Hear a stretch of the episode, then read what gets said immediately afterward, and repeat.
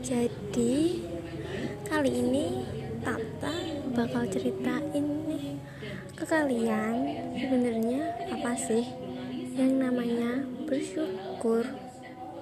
Hmm, mungkin sebagian orang mengartikan kata bersyukur itu menjadi kata yang tidak mudah